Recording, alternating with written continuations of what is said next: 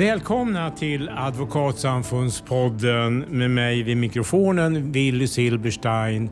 Och vid de andra mikrofonerna sitter Said Mahmoudi, Ardalan Shekarabi, Mona Haguster Mary, Mia Edvall Insulander. Och idag ska vi tala om ett ämne som är högaktuellt och kantad med mörka färger måste man ju säga, nämligen utvecklingen i Iran. Och Mia, det är ju ett lite ovanligt ämne för podden och det här var din idé. Berätta varför. Vi tycker att det är väldigt viktigt att belysa situationen i Iran utifrån mänskliga fri och rättigheter kan man säga. Och eh, situationen har ju utvecklat sig på ett väldigt oroande sätt och då tänkte vi att vi gärna vill bidra till att belysa den, prata om den, uppmärksamma den på det sättet vi kan. Mm. Och Ardalan, jag menar inte att du behöver vara någon självutnämnd eh, eller av mig utnämnd expert, men kan du i några meningar beskriva dagens Iran? Jag förstår att det är nästan omöjligt, men jag ber dig lika fullt.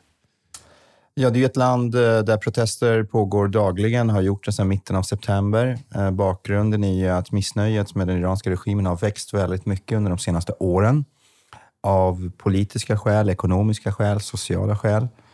Eh, men de här protesterna som nu pågått i runt tre månader är ju protester som leds av kvinnor i stor utsträckning. Och det har att göra med att det har varit mycket fokus på just kvinnoförtrycket och inte minst då tvånget att bära eh, hijab, slöja, mm. som satte igång protesterna. Men nu är det mycket bredare än så, utan det handlar ju om generellt missnöjet med avsaknad av frihet och demokrati i Iran och den mycket svåra situation som många iranier har på grund av den politik och den vanskötsel av, av det iranska samhället som, som regimen står för.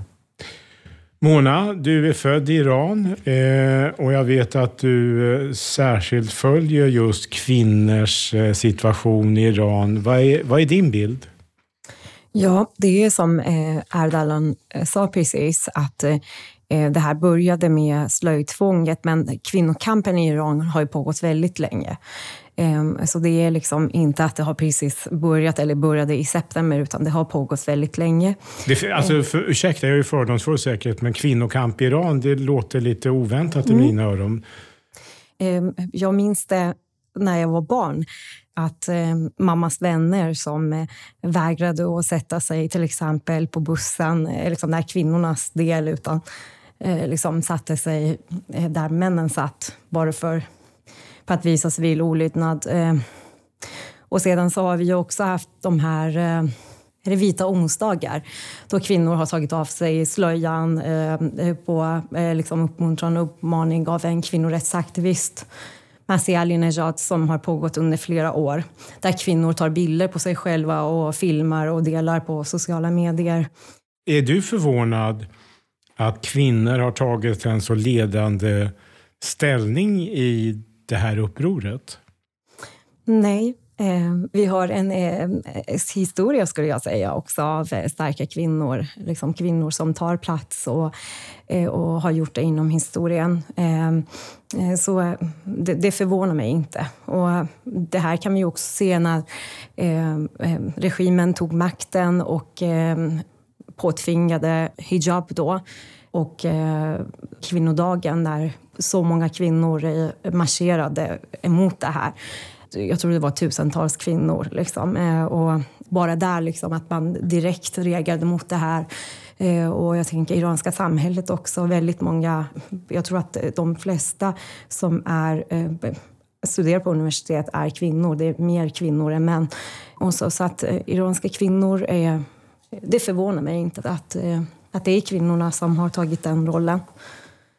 Mia, vad vet du och ni i samfundet om förhållandena för advokater i Iran idag? Ja, vi vet för lite egentligen tror jag, men vi vet ju lite grann om att eh, även advokater fängslas på grund av att de också har demonstrerat nu senaste tiden.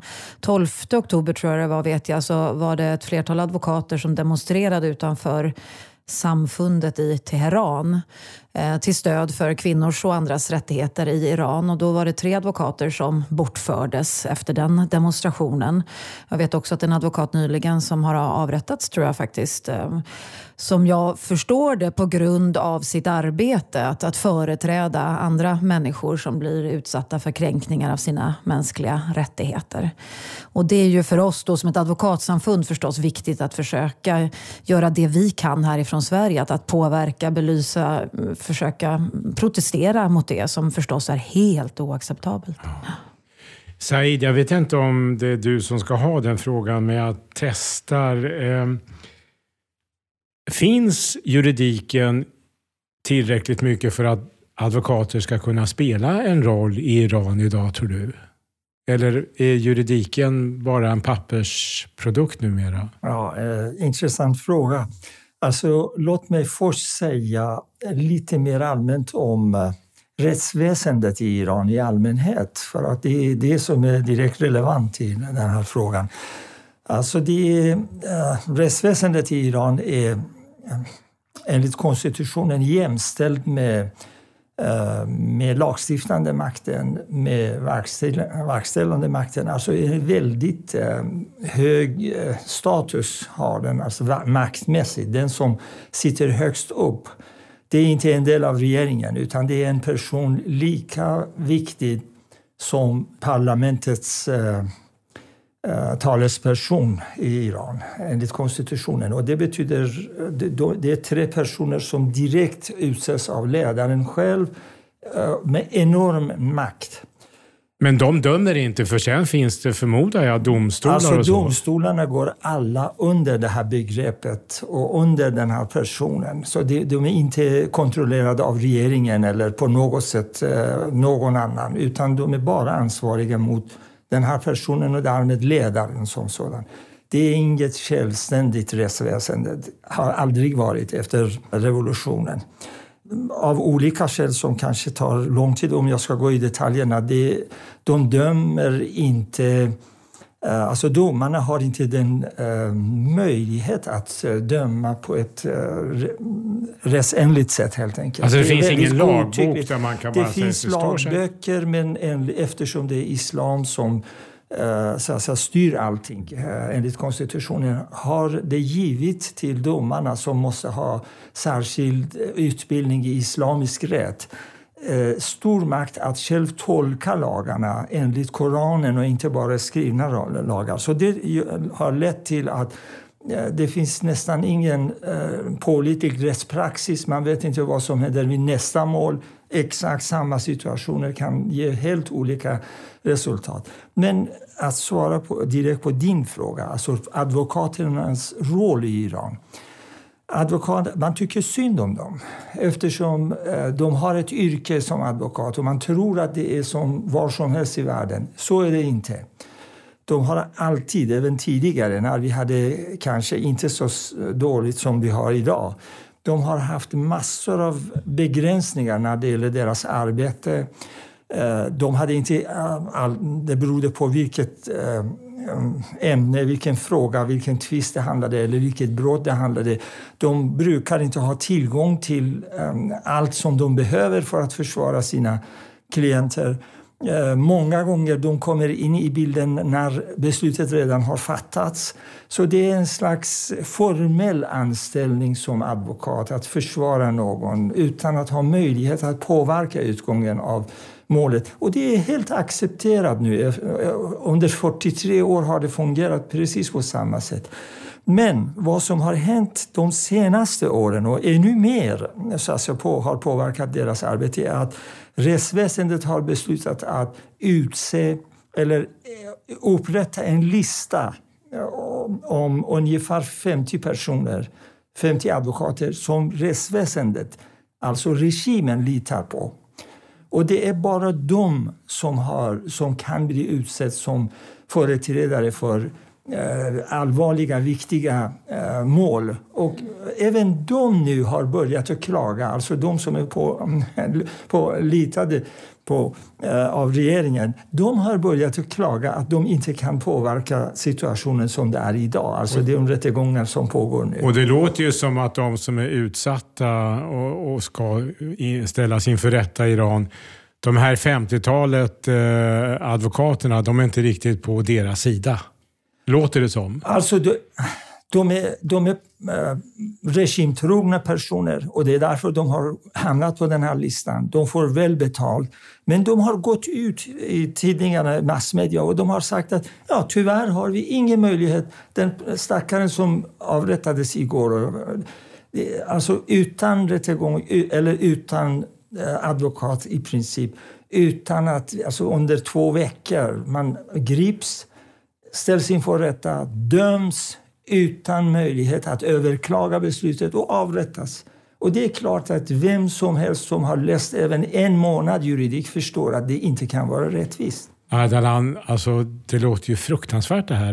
Rättssäkerhet verkar inte ens finnas på pappret. Vad, vad säger du? Nej, men det är en fruktansvärd regim. Det som, det som gör att Iran sticker ut är att det är en brutal, fruktansvärd regim som inte har några gränser för sin, sitt våldsutövande. Men samtidigt är det en befolkning som är väldigt sekulär, som är demokratiskt sinnad. Och den utvecklingen har gått fortare och fortare de senaste åren. Det, det kom en, en opinionsundersökning som, som eh, Tony Blair Foundation eh, släppte här för några veckor sedan som visar att Iran är liksom ett land med mycket starkt stöd för demokratiska värderingar i befolkningen.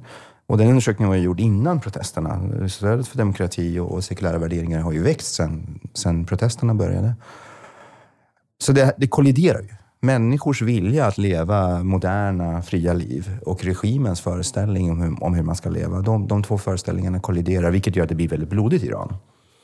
Uh, och det är precis det som har hänt under de senaste veckorna. Det är flera hundra som har dödats av regimen, alltså demonstranter som har dödats på gator och torg. Man pratar om att det är minst 14 000, förmodligen betydligt högre siffror, som har arresterats uh, de senaste veckorna. Mm.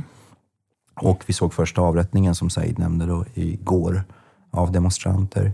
Men det verkar som att regimens våld inte skrämmer iranierna längre. Och det är ju någonting nytt. Att, att rädslan verkar ha släppt. Och vad ser du då för utveckling utifrån ditt konstaterande att det här våldet från regimen inte fungerar? Ja, med stor sannolikhet så kommer det vara väldigt svårt för regimen att vrida klockan tillbaka till perioden innan eh, protesterna. Eh, det går liksom inte, utan Iran har förändrats i grunden under de här veckorna. Eh, däremot så kommer ju regimen fortsätta vara brutal. Eh, så det finns ju relativt lite som tyder på att regimen skulle ändra inställning i närtid i alla fall. Men som alla andra totalitära regimer, det är svårt att långsiktigt behålla makten om man inte har en bas. Och den iranska regimens bas har, har, har krympt för varje månad som har gått under de senaste åren. Och det är klart, det är problematiskt när, när en regim till slut bara har säkerhetsstyrkorna att lita på. För det är klart att långsiktigt är det svårt att upprätthålla makten om, om du inte har en, en någorlunda stark folklig bas. Mia, när du hör Said och även Ardalan, du som svensk advokat och generalsekreterare för eh, Advokatsamfundet, vad går genom ditt huvud när du hör, hör de här väldigt mörka bilderna? Ja, man blir ju lite bestört och jag kan inte låta bli att tänka också, jag undrar till exempel hur advokatsamfundet i Iran, hur de arbetar. Alltså hur, eh, hur, hur når man fram till advokaterna och vad har advokaterna för mandat? För det är så intressant att höra, just att advokatens roll är ju verkligen att företräda enskildas rättigheter när de blir kränkta. Eh, om advokaterna inte ens har möjlighet att göra det på ett fritt sätt. Alltså det visar ju så tydligt att det är så viktigt med oberoende advokater. Det är liksom A och O i ett rättssamhälle. Ehm, och jag har nog inte riktigt kanske förstått vidden av det, att det kanske också varit ganska utbrett att inte ens advokaterna andra advokater än de här närmast regimtrogna, då, men även andra advokater kanske inte fullt ut heller kan utöva sitt, eh, sitt yrke. Jag har inte riktigt förstått vidden av det måste jag säga. Men när du pratar väldigt intressant och, och horribelt på ett sätt. Och det låter ju väldigt hopplöst. Ja, fast så samtidigt så tänker jag det som har hänt nu sedan september och det som pågår, det är ju precis som Ardalan säger, att det är ju någonting lite unikt i det där att eh, befolkningen är så eh, liksom sekulariserad och har en helt annat driv än vad regimen har. Det är ju någonting eh, beundransvärt och eh, positivt, eller man ska säga positivt är fel ord, men ni förstår vad jag menar. Det är någonting förtröstansfullt i det. Att folket inte låter sig kuvas. Det, är ju, det kommer ju förhoppningsvis i förlängningen att, att leda till ett bättre samhälle, även om det är fruktansvärt att det är blodigt och tar lång tid. Jag ska snart fråga dig Mia om vad Advokatsamfundet gör, men först tänkte jag bara höra med Mona. Du hör här och du är själv eh, född i Iran. Vad går genom ditt huvud när du hör detta? Ja, dels att eh, den eh, unga generationen att eh, de skiljer sig så mycket från andra generationer. Eh, den här så kallade generation Z. Då. Eh, eh att när man lyssnar på de intervjuer som görs med dem eller uppgifter liksom som kommer in från landet så, eh, så har de ett mod som övergår mitt förstånd i alla fall. Eh, och man ser ju liksom eh, ett videoklipp eh, där de sitter med ledning från universitet och vågar ifrågasätta. Och nu för några dagar sedan så var det en student som tog sig in utan slöja och ifrågasatte den här mannen och konfronterade honom till och med med uppgifter om hur shahen hade med mer heder och lämnade landet när det var dags. Alltså, det är sånt eh, civilkurage skulle jag säga också. Um, och ser man också när de tar en person liksom på gatan att eh, de är unga liksom slänger sig över och försöker slita loss. så att det här som vi ser skiljer sig väldigt mycket från vad vi har sett tidigare. Jag tänker på den gröna vågen 2009 som, eh, eh, som kanske var mer min generation då. Eh, det var ju då jag var student. Då som eh, försökte, men då var det mer prat om reformer snarare för att det fanns också tydliga ledare som eh, lovade reformer och så. Men eh, folket har ju kommit fram till att det inte är reformer som är aktuellt längre utan det är regimbyte. Det här regimen, eh, den här regimen måste falla och eh, eh, företrädarna måste ställas också inför rätta för dessa oerhörda övergrepp eh, mot mänskliga rättigheter som har skett i landet i 44 år. Eh, ja, eh, jag vill gärna se med hopp på situationen. Du vill se med hopp? Men... Jo, jo, och jag gör faktiskt det. Ja. Det är bara det att man är så påverkad av de här uppgifterna som Said eh, berättade precis om den här avrättningen till exempel igår. Och, eh, och så, ehm, eh, att, att det blir ju så som människa att man, man blir liksom, frågar hur många kommer dö tills det här sker och kommer de någonsin ge sig? Eller liksom, mm, jag pratade med någon som menade på att det kanske blir cirka två miljoner som måste dö av hela befolkningen för att man ska lyckas. Och det, är, det är en stor siffra. Alltså, nu bara spekulerar jag, men, men jag vill gärna eh, tro att det här kommer att lyckas. Det kanske inte sker imorgon, det kanske kommer ta sin tid, men eh, folket har bestämt sig och det, det, ser vi, att de har bestämt sig. De kommer inte ge sig. Och den här avrättningen, bara en sista grej då. Den här avrättningen är också till syfte för att skrämma eh, människorna. Att gå hem, våga inte eh, fortsätta med det här. Och, och folk fortsätter. Mia?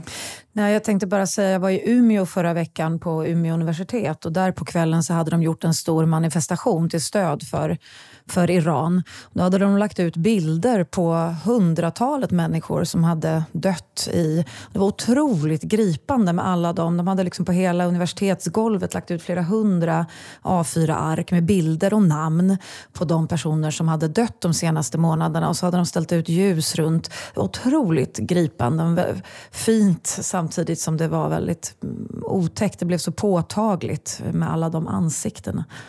Och Mia, vad gör Advokatsamfundet för att försöka att eh, hjälpa kollegor i Iran? Alltså från vårt perspektiv så försöker vi göra det vi kan att hjälpa kollegor i Iran. Det, det kan vi ju inte riktigt göra. Men vi kan försöka belysa det, prata om det. Vi har ju fördömt situationen. Vi har gått samman med flera andra europeiska advokatsamfund eh, för att påtala att situationen är, är oacceptabel och fördöma det hela. Ehm, och vi har också ehm, påtalat att FN bör agera ehm, ja, ännu mer än vad de kanske har gjort eh, hittills. Att kanske eventuellt inrätta ett institut där man kan pröva vad som pågår i Iran nu. Så det är på det sättet vi som samfund kan försöka påverka. Och Said, jag tänkte just komma in på det. Eh, FN och det internationella samfundet. Man får ju intrycket av att samfundet självklart vill bidra till förbättringar men det händer ju inte så mycket. Eller är jag bara, ser jag för lite till vad som sker? Uh, nej, jag tror att eh, alltså det är ett allmänt problem, ja, inte bara i det här fallet. Rent allmänt vad man kan egentligen förvänta sig från FN och FN-organ att göra i en sån situation. Uh, FN består av stater och vi vet hur det är nu med 193 stater med olika intressen. Eh, när man beslutade för ett par veckor sedan inom FNs eh, råd för mänskliga rättigheter eh, ett speciellt möte om Iran. Att överhuvudtaget hålla ett särskilt möte om ett land, det är något som inte händer varje dag. Men eh, tack vare allt som iranier gjorde utan, utanför Iran var det, blev det möjligt. Men vad hände var att utav de 47 länder som sitter i det här rådet och ska uh, så säga, värna om mänskliga rättigheter i världen. Hur pass de kan, det är en annan fråga. Uh, men uh, utav dem, det var bara 25 länder som röstade för att inrätta en särskild utredningskommitté eh, om situationen i Iran. Det fanns sex länder som röstade emot trots att de ser alla de videoklipp som vi alla ser. De läser all information som kommer ut från Iran. Eh, men ändå valde de att rösta mot någon utredning, internationell utredning om läget i Iran. Kina, eh, bland annat, eller på toppen, men det fanns flera andra. Ehm, och då kan man undra bara eh, hur eller varför de gör så. så och det gör att, ehm, jag menar att staterna har sina egna intressen. De tänker att det kan hända hos oss också. Då behöver vi stöd från eh, länder som Iran. Uh, därmed möjligheten för olika organ inom FN att påverka ett sån, eh, en sån situation är inte kanske obegränsad eller mycket. Men ändå som sagt med tanke på alla begränsningar som finns tycker jag att just i det här fallet, fallet Iran har omvärlden gjort utomordentligt bra hittills. De har reagerat. Den här frågan har kommit upp på politiska ordningen i, i princip i hela västvärlden. Och det faktum att man diskuterar, jag följer naturligtvis som alla andra iranier, det, det, har inte funnits en enda dag sedan, sedan 16 september som tidningarna, stora tidningarna i Sverige inte har ägnat en hel sida eller en halv sida åt vad som händer i Iran. Saker som kanske händer också i många andra länder. Men att fokusera nu på det här och eh, lyfta upp den som en viktig fråga, det, det är någonting som man verkligen välkomnar och ty tycker att alla har engagerat sig i. Allan, man blir ju ändå rätt nedstämd. Said säger okej, okay, det var uppe i, i FN på en hög nivå. Men det är ju ord, det händer ju inte särskilt mycket konkret. Blir du nedslagen av detta? Ja, det blir jag väl, men det får man ju inte låta dominera ens, ens vardag, utan man måste ju se hoppet. Och menar, det faktum att, att eh, FNs råd för mänskliga rättigheter dels sammanträdde specifikt för Iran och sen fattade beslut om att inleda en särskild granskning av Iran. Det är ju historiskt faktiskt. Men betyder det någonting? Eller det bara betyder ord? mycket. Det är intressant. Den här regimen är ju väldigt brutal. Den har liksom inga gränser för sitt våld, men den är fortfarande känslig för vad som händer utomlands. Den lägger väldigt mycket energi. Man blir lite förvånad på liksom att hur mycket energi de lägger på att reagera mot omvärldens reaktioner. Hur mycket uppmärksamhet de ger till omvärldens reaktioner. Och det tolkar du som att det här ändå kan bita någonstans och möjligen börja påverka? Ja, på så sätt att det ger ju energi till de som protesterar. Det är egentligen det det handlar om. Att, att visa dem stöd så att de uppfattar att omvärlden är med dem. Det, det betyder otroligt mycket. Jag menar en, en väldigt begränsad sak som hände här i Sverige, men som fick enormt genomslag i Iran. Det var ju att, att eh, Nobelkommittén drog tillbaka inbjudan till Irans ambassadör till Nobelfesten. Det kan man ju tycka det är en formell sak och det har egentligen inte med någonting med någon stat att göra. Men genomslaget för detta blev enormt i Iran. Och det gav otroligt mycket energi till de människor som, som, som är ute och demonstrerar och riskerar sina liv. Så att vi får helt enkelt eh, göra det vi kan för att påverka. Men som Said säger, alltså, mekanismerna är ändå begränsade. Sen ska vi komma ihåg att när det gäller rättsligt bindande åtgärder så har det hänt väldigt mycket på EU-sidan. eh, alltså specifika sanktioner som har beslutats mot enskilda individer och eh, institutioner kopplade till den iranska staten. Och nu ska, det, eh, nu ska de sanktionerna vidgas Eh, på kommande EU-sammanträden. Och det är ju bara bra att, att EU också agerar. Men det vi kan göra, det advokatsamfundet kan göra, det civilsamhället kan göra, det är ju att eh, kartlägga och dokumentera eh, de människorättskränkningar som pågår i Iran för att senare kunna också ta tag i detta så att vi tar ett steg bort från straffrihet vid grova kränkningar av mänskliga rättigheter. Och här har ju Sverige spelat en avgörande roll i, i flera olika konflikter, spelar en avgörande roll rättsligt eh, redan nu i flera länder och även det som händer i Iran nu skulle Sverige kunna spela en viktig roll för att dokumentera för att senare ha förutsättningar att lagföra de människor som begår eh, allvarliga brott mot mänskliga rättigheter. Mia, ser du någon möjlighet för er att faktiskt eh, vara så, agera så som Ardalan säger? Det är svårt att säga tycker jag i, i dagsläget. Det, jag, jag, hoppas absolut att, att det går åt det hållet och den utvecklingen, men det är svårt att svara på. Känner du en frustration att, eh, Mia, att eh, alltså det var uppe då i detta FN-organ och jag lite hädig säger att det till en ganska stor del kan uppfattas som bara ord. Tycker du att eh, vi ändå kan vara rätt nöjda med detta eller är du också frustrerad? Så nöjda kan vi ju inte vara Nej. med tanke på hur situationen ser ut och hur många som far illa. Så det kan vi ju inte vara. Men, men eh, jag håller helt med om att FN är ju precis som Said säger består av medlemsstater. Det ser vi ju när det gäller utvecklingen i andra länder också. Inte minst kriget i Ukraina och så. Att, att tyvärr den internationella rätten är ju inte alltid så verkställbar i, i de enskilda eh, fallen och, och stora katastroferna katastroferna tyvärr. Eh, men det är ju om, om det är som, som Ardalan säger, att det påverkar mycket i Iran, det kände inte jag till, men är det så så är ju det någonting positivt ändå, att man faktiskt bryr sig och tar till sig. Och det bekräftar ju att det är viktigt då att vi ändå fortsätter att stötta, att belysa, att prata om det och försöka påverka. Mona? Ja, jag tänker att den här solidariteten, den är som Ardalan sa precis väldigt, väldigt uh, betydelsefull för folket. Det är verkligen det som ger dem energi, tror jag, att uh, våga fortsätta uh, ta sig på gatorna. Um, för de får veta om vad som händer utifrån och kom ihåg också att det här är som sagt den nya generationen, eller den yngre generationen också som är väldigt bra på liksom, sociala medier och så, så, solidaritet är liksom vad det, det minsta vi kan ge folket i Iran.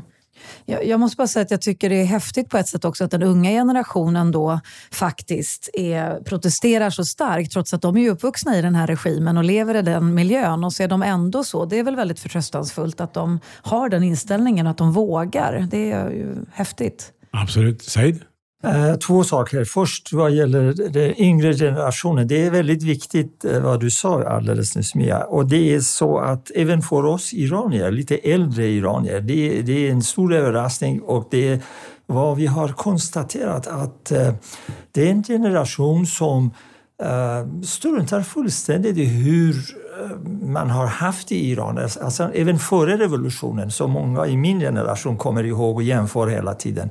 Utan Ehm, inte tack vare regimen, men det har blivit möjligt, tekniskt möjligt att få information från hela världen och se hur livet fungerar i resten av världen.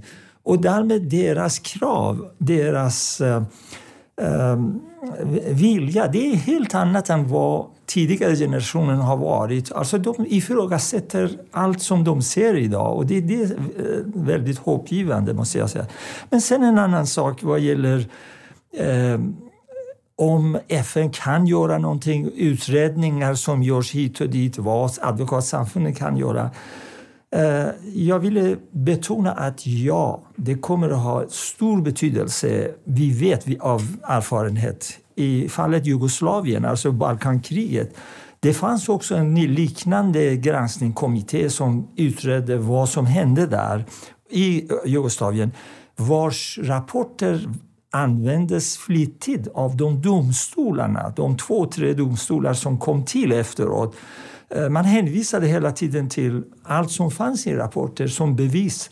Eh, och eh, därmed menar jag att en sån granskning är viktig även för nationella domstolar. Vi har redan haft ett tiotal mål i Sverige som har avgjorts mot personer som var misstänkta för internationella brott utomlands men av någon anledning befann sig i Sverige. Och då, domstolen har eh, alltså ett bra underlag i dessa rapporter som lämnas av vem som helst, en dokumentation som görs av alla brott som begås. Så det, det är definitivt eh, viktigt och betydelsefullt. Får jag fråga dig Said, alltså, vi har pratat om FN, men i övrigt, finns internationell rätt som kan användas för att försöka att bidra till en något sundare utveckling i Iran? Um, vad som finns, och det är direkt relevant, är den del av uh, folkrätten och internationella rätten som gäller skyddet av mänskliga rättigheter i första hand. Alltså det, om man kan säga någonting om regimen är allvarliga brott mot mänskliga rättigheter och det är inte fråga om de senaste tre månaderna utan det har varit ganska systematiskt under hela tiden efter revolutionen men även före revolutionen. Det har varit, blivit mer eller mindre systematiskt på grund av sättet som regimen ville styra landet. Och det, det, har varierat naturligtvis beroende på vilken person som har varit eh, regeringschef under dessa tider. Ibland har det varit mildare, ibland har det varit hårdare. Men eh, regelbundet nästan har vi haft eh, brott mot mänskliga rättigheter. Nu, eh, vad, vad, vi ser de senaste veckorna är inte bara brott mot mänskligheten och mänskliga rättigheter utan det är allvarliga brott. Det är en regim som agerar för att överleva, anser att måste göra vad som helst för att eh, slå ner alla typer av motstånd. Och det som allt de har gjort, som sagt, är bara klassexempel av brott mot mänskliga rättigheter. Därmed folkrätten är direkt relevant. Det är det som regleras inom internationella rätten. Ett helt kapitel inom varje lärobok i folkrätt. Ardalan, folkrätten eh, finns här. Spelar det någon roll i praktiken, tror du? Ja, det gör det för att tittar vi på de, de beslut som Europeiska unionen fattat, men också eh, Förenta Staterna och Kanada har eh, fattat gällande sanktioner riktade mot den iranska statsledningen och, och eh, olika organ kopplade till den iranska staten så görs ju det med hänvisning till just de mänskliga rättigheter, folkrätten och, och kränkningar av dessa. Så att, eh, uppenbart att, att det rättsligt har en effekt och, och eh, i det här fallet rör det sig om, om konkreta sanktioner. Så det är ju inte bara teoretiska resonemang utan det är ju rättsligt bindande beslut av bland annat av, av Europeiska eh, unionen. Eh, men sen saknas ju mekanismer därefter. Det är klart att, att det finns liksom en, en, en, en förväntan i världssamfundet liksom att vi ska kunna göra mer. Men det är klart att utöver sanktioner och påtryckningar finns det ju inte så jättemycket mer andra stater kan göra. Eh, förutom att den självklart uppmärksamma eh, och, och, och eh, dokumentera de kränkningar som, som pågår. Men precis som Said sa tidigare så kan man säga att i jämförelse med många andra konfliktsituationer runt om i världen så har ju åtminstone de fria länderna, demokratierna, agerat ganska aktivt i Iranfrågan. Sen har vi ännu större förväntningar självklart. I jämförelse med Ryssland är till exempel eh, sanktionerna som beslutas av Europeiska unionen ändå väldigt begränsade. Så det är därför också det pågår en, en process inom Europeiska unionen att utvidga sanktionerna mot den iranska statsledningen och deras familjer. Men det är ju så, när det gäller terrorlistning, när det gäller sanktioner så är vi inte riktigt i paritet med, med behovet. Men sådana processer är ju också rättsligt eh, komplicerade, tidskrävande. Det, det, får ju rätt så stora rättsliga effekter där man utsätta människor för sanktioner, så det måste ju ske på, på korrekt sätt. Så det är därför det finns en tröghet i systemet som ibland kan orsaka frustration och, och, och i viss mån också kritik. Hörrni, eh, vi ska snart runda av. Det är den 9 december när vi gör denna podd. Jag tänkte vi ska avsluta med att blicka framåt och det är ju svårt att säga någonting inser jag. Det får, man får blanda in förhoppningar om man vill, det kanske blir lite lättare. Men vi går in i ett nytt år snart. Eh, Mona, vad ser du? Ja, jag skulle ju helst av allt önska att eh, folket eh, fick sin frihet snart och att regimen skulle falla. Så jag vill gärna hoppas på det, att det sker under 2023. Tror du att det blir så? Det kan bli så, absolut. Eh, jag, jag ser personligen väldigt fram emot att eh, iranska regimen ska ställas inför rätta för de här grova brotten som vi talar om. Och eh, jag vill bara tillägga någonting om stora antalet barn som man mördar. Bland de här flera hundra mördade är det väldigt många barn. Men varför går de på barn? Jag tror att det är också både bestraffa, skrämma. Eh, så det, det är verkligen eh, fruktansvärt när det börjar bli på den nivån. Liksom. Men det är väldigt hoppingivande att trots detta så fortsätter folket. Eh, och det, det tycker jag visar verkligen att iranska folket har bestämt sig. Eh, och um, um, jag vill också säga en sak, att det är jättebra allt det här som sker, som Erdogan pratar om, eh, med sanktioner och eh, det här som Said berättade om, att, att vi får liksom reaktioner och solidariteten som vi upplever och så. Men eh, det behövs göras mer. Mm. Ardalan, vad ser du framåt? Det är omöjligt att förutsäga den iranska händelseutvecklingen och det har det varit generellt sett i iransk modern historia. Eh, tittar vi på revolutionen 1979 eh, och händelseutvecklingen inför revolutionen så var det i praktiken omöjligt också att, att förutsäga något. Uppenbart att regimen förlorat sin, sin legitimitet och sin bas. Men det, om du det... skulle på vågskålen optimistisk, pessimistisk, var befinner du dig just nu? Nej, jag är optimistisk av den enkla anledningen att det är uppenbart att iranska folket, eh, en stor majoritet av iranska folket vill ha ett demokratiskt styre. Eh, och tror på sekulära värderingar. Och, och på det här uttalade sättet, också utspritt i det iranska samhället, det är ett nytt fenomen. Det, det, det går inte att förneka det. Att vi hade ju protester 1999, vi hade protester 2009. Eh, men det, det, var liksom begränsat till delar av det iranska samhället. Det var medelklassen, det var studenter. Men de här protesterna, det är ju arbetarklass upp till överklass. Det är studenter till arbetare, det är olika etniska grupper. Det är verkligen hela landet. Så det är klart att på sikt kommer det här leda till förändring. Men det vi inte får glömma det är att världssamfundets engagemang kommer att behövas också framåt här. För att det här är en regim som utövar våld utan gränser. Det är en regim som var direkt inblandad i, i människorättskränkningarna i Syrien under den syriska revolutionen och sen inbördeskriget. Så det är klart att, att världssamfundet måste bevaka detta, reagera detta, fortsätta att, att, att fatta rättsligt bindande beslut och uttrycka stöd för det iranska folket. Det betyder väldigt mycket. Said?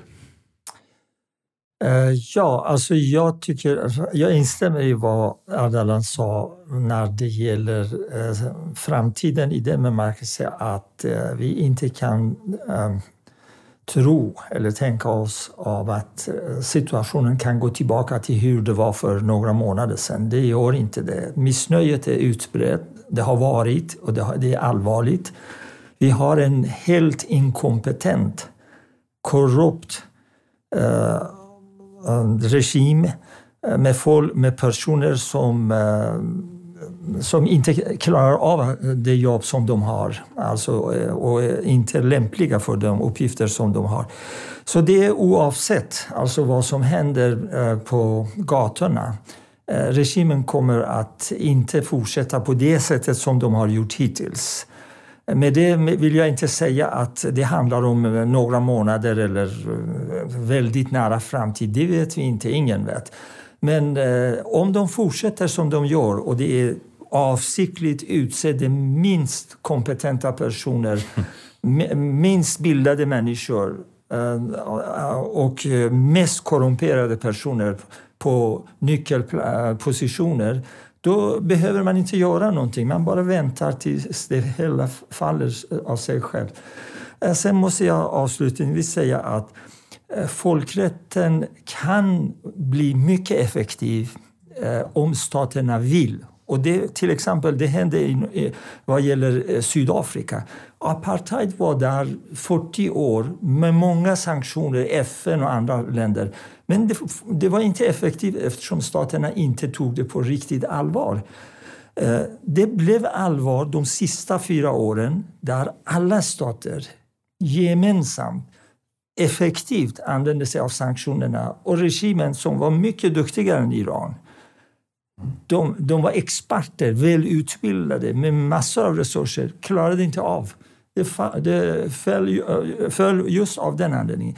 Så jag menar att vad man kan hoppas är att omvärlden eh, verkligen ser eh, på allvaret eh, med tanke på Irans position där och hur det kan utgöra hot för många andra länder också i, i, omkring Iran och eh, gör sanktionerna riktigt effektivt, eh, effektiva. Eh, I så fall, ehm, som sagt, eh, det finns all anledning att mm. hoppas för framtiden. Tack och Mia. Nej, men jag kan bara hålla med det som, som ni har sagt tidigare och hoppas på en, en så fredlig utveckling ändå som möjligt åt rätt håll. Det är väl viktigt och att vi som Alltså advokatsamfund, advokaters uppgifter är just att stå upp för mänskliga fri och rättigheter. Så ur vårt perspektiv så är det viktigt att, att fortsätta belysa detta tills situationen har blivit bättre. Och då tackar jag er panelister, professor Said Mahmoudi, Ardalan Shekarabi, riksdagsledamot för Socialdemokraterna, Mona Hago Strindberg, advokat och Mia Edvard Insulander som är generalsekreterare för Advokatsamfundet. Tack till er som har lyssnat. Eftersom det är 9 december så är det relevant att önska en god jul och ett gott nytt år. Lyssnar ni i sommar blir det lite hål i huvudet, men ett tag är det relevant. Stort tack att ni har lyssnat.